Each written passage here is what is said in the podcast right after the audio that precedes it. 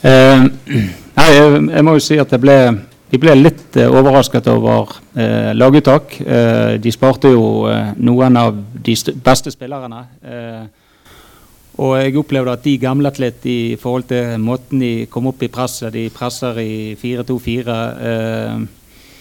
og så er det litt det laget vi møter, at det, det, er et lag som er et angrepslag, og når de ikke helt får til presset, så så er det enormt mye rom. Og i dag fikk vi veldig mye rom, og jeg syns ikke vi var like nøyaktige og gode å ta de rommene i perioder. Men eh, vi gjør jobben. Eh, det blir ikke en like intensiv kamp som eh, bortekampen. men vi er i åttendedelsfinalen.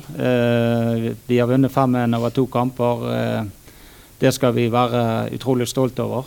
det er viktig for Bodø-Glimt. Eh, nå har vi fantastiske kamper å se fram til. og Jeg syns òg det er viktig for norsk fotball. Det, jeg føler at eh, det er et signal om at norsk fotball er i utvikling, og at det går an å konkurrere med antatt større klubber.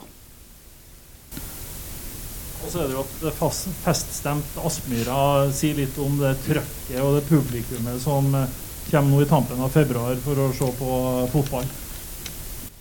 Ja, Nå kommer jeg jo fra 60 000, så uh, det, var, det, var, helt uh, utrolig. Og jeg må, må, jo si de 1000 som var der fra uh, eh, 1000 Glimt-tilhengerne som var på forrige kamp òg, det var helt vanvittig trøkk. og det å komme på Aspmyra og få de kampene, europakampene med fulle tribuner, og det er noe med publikum at de gir det lille ekstra.